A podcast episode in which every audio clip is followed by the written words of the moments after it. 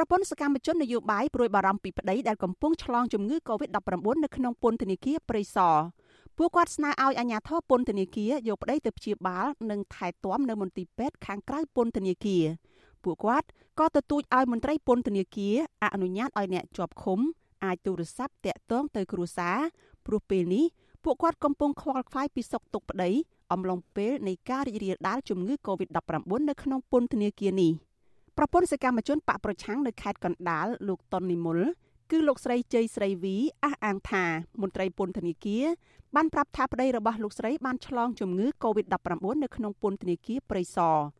លោកស្រីចោទមន្ត្រីពន្ធនាគារថាធ្វេសប្រហែសដែលធ្វើឲ្យប្តីរបស់លោកស្រីនិងអ្នកជាប់ឃុំមួយចំនួនទៀតបានឆ្លងជំងឺ Covid-19 ហើយក៏ថារដ្ឋាភិបាលត្រូវទទួលខុសត្រូវផងដែរជុំវិញរឿងនេះព្រោះអ្នកជាប់ឃុំដោយសារតែរឿងនយោបាយទាំងនោះ មិនមានកំហុសដោយការចោទប្រកាន់របស់អាជ្ញាធរឡើយប្រពន្ធសកម្មជនបកប្រឆាំងរូបនេះបញ្ជាក់ថាលោកស្រីនិងគ្រួសារសកម្មជនបកប្រឆាំងផ្សេងទៀតនឹងទៅជួបមន្ត្រីស្ថានទូតសហរដ្ឋអាមេរិកប្រចាំនៅទីក្រុងភ្នំពេញនៅថ្ងៃស្អែកនេះហើយលោកស្រីនឹងចេញតវ៉ាដើម្បីជំរុញរដ្ឋាភិបាលដោះលែងប្តីឲ្យមានសេរីភាពឡើងវិញ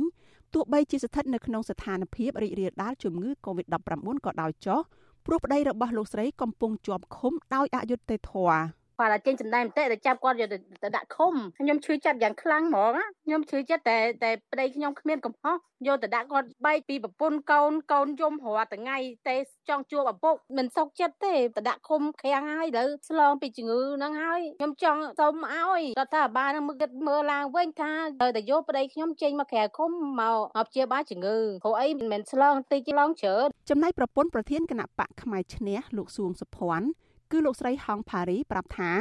លោកស្រីបានទទួលដំណឹងថានៅក្នុងពន្ធនាគារមានការឆ្លងរាលដាលជំងឺ Covid-19 ដែលធ្វើឲ្យលោកស្រីព្រួយបារម្ភពីសុខទុក្ខរបស់ប្តីដែលកំពុងជាប់ឃុំនៅក្នុងបន្ទប់តូចចង្អៀតពុំមានអនាម័យជាដើមស្ត្រីវ័យ33ឆ្នាំរូបនេះប្រាប់បន្តទៀតថា រយៈពេល3ខែមកហើយមន្ត្រីពន្ធនាគារមិនដែលបានផ្ដល់ដំណឹងណាមួយពីសុខទុក្ខរបស់ប្តីរបស់លោកស្រីឡើយ លោកស្រីស្នើឲ្យមន្ត្រីពន្ធនាគារគួរឲ្យប្តីរបស់លោកស្រីអាចទូរស័ព្ទមកគ្រួសារក្នុងអំឡុងពេលឆ្លងរាលដាលជំងឺ Covid-19 នៅក្នុងពន្ធនាគារនេះហើយលោកស្រីទទូចឲ្យតុលាការដោះលែងប្តីនិងអ្នកទោសនយោបាយទាំងអស់ដើម្បីកុំឲ្យពួកគាត់ឆ្លងជំងឺ Covid-19 សិនជាមានអ្នកឆ្លងនៅក្នុងនោះសូមឲ្យគាត់តាក់ទងមកខាងក្រុមគ្រួសារប្រាប់ព្រមមានឲ្យបានបំឆ្លងកុំឲ្យអ្នកនៅក្នុងនឹងឆ្លងក៏ឆ្លងទៅអីក៏អីទៅអាក្រុមគ្រួសារនេះអត់បានដឹងអញ្ចឹងមានសាច់ញាតិមានបងប្អូនមានប្រពន្ធគឺគាត់អត់បានដឹងចង់ដឹង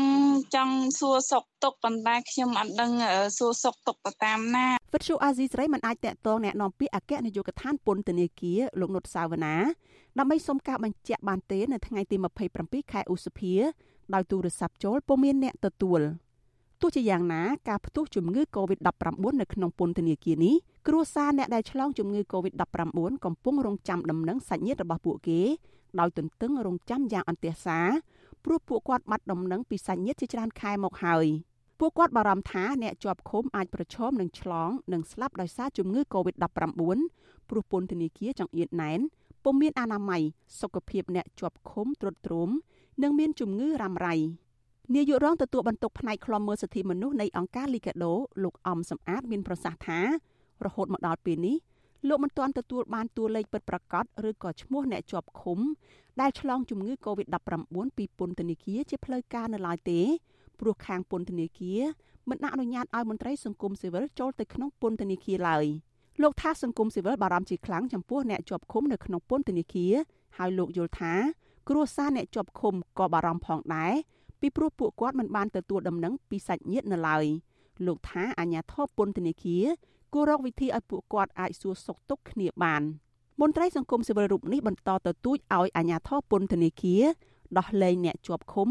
ក្នុងកម្រិតទោសស្រាល និងអ្នកជាប់ឃុំបណ្ដោះអាសន្នដើម្បីកាត់បន្ថយបញ្ហាប្រឈមការឆ្លងចូលក្នុងពន្ធនាគារ ទៅលើបញ្ហានឹងហើយបានយើងទាមទារឲ្យមានការដោះស្រាយបញ្ហាភាពចង្អៀតណែននោះពីព្រោះទី1ភាពចង្អៀតណែនហ្នឹងវាអត់អាចអនុវត្តតាមវិធានការសុខាភិបាលបានទេរឿងកម្រិតសង្គមអីវាអត់កើតអត់ទៅរួចទេទី2តកតងនឹងបរិយាកាសអនាម័យឬក៏បញ្ហាផ្សេងផ្សេងទៀតហ្នឹងក៏វាជាបញ្ហាដែរហើយកាលណាចង្អៀតណែនកាលណាមានការឆ្លងតែមួយវាងាយណាស់នឹងបន្តគ្នានោះបាទបច្ចុប្បន្នកម្ពុជាមានអ្នកជាប់ឃុំសរុបតាមពន្ធនាគារទូទាំងប្រទេសប្រមាណ40000នាក់ តួលេខនេះនៅតែជាចំនួនខ្ពស់ដែលបង្ហាញពីភាពចង្អៀតណែនតាមពន្ធនាគារ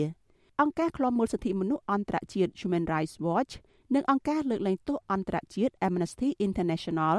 បានអះអាងនៅក្នុងសេចក្តីថ្លែងការណ៍រួមគ្នាកាលពីពេលថ្មីៗនេះថាពួកគេទទួលបានព័ត៌មានសម្ងាត់ថាមានអ្នកជាប់ឃុំនៅក្នុងពន្ធនាគារពេស៊ីឬពន្ធនាគាររាជធានីភ្នំពេញមានចំនួនរាប់រយនាក់បានឆ្លងជំងឺ Covid-19 អង្គការទាំងពីរចោទថា អាជ្ញាធរបានលាក់ព័ត៌មាននៃការឆ្លងជំងឺ Covid-19 ក្នុងពន្ធនាគារដោយបង្ហាញតួលេខអ្នកឆ្លងតិចតួចបំផុតគិតត្រឹមព្រឹកថ្ងៃទី27ខែឧសភាកម្ពុជាមានអ្នកស្លាប់ដោយសារជំងឺ Covid-19 បានកើនឡើងដល់194អ្នកហើយបន្ទាប់ពីមានអ្នកជំងឺ4អ្នកទៀតបានស្លាប់ចំណែកអ្នកឆ្លងថ្មីវិញមានជាង600នាក់បន្ថែមទៀតក្នុងនោះភាគច្រើនជាករណីឆ្លងនៅក្នុងសហគមន៍រីឯអ្នកជាសះស្បើយវិញ មានជាង600នាក់នៅថ្ងៃដដែលនេះកម្ពុជាមានអ្នកកើតជំងឺ Covid-19 ជាង27,000នាក់ក្នុងនោះអ្នកជាសះស្បើយជាង20,000នាក់នាងខ្ញុំសុជីវីវិទ្យុអាស៊ីសេរីពីរដ្ឋធានី Washington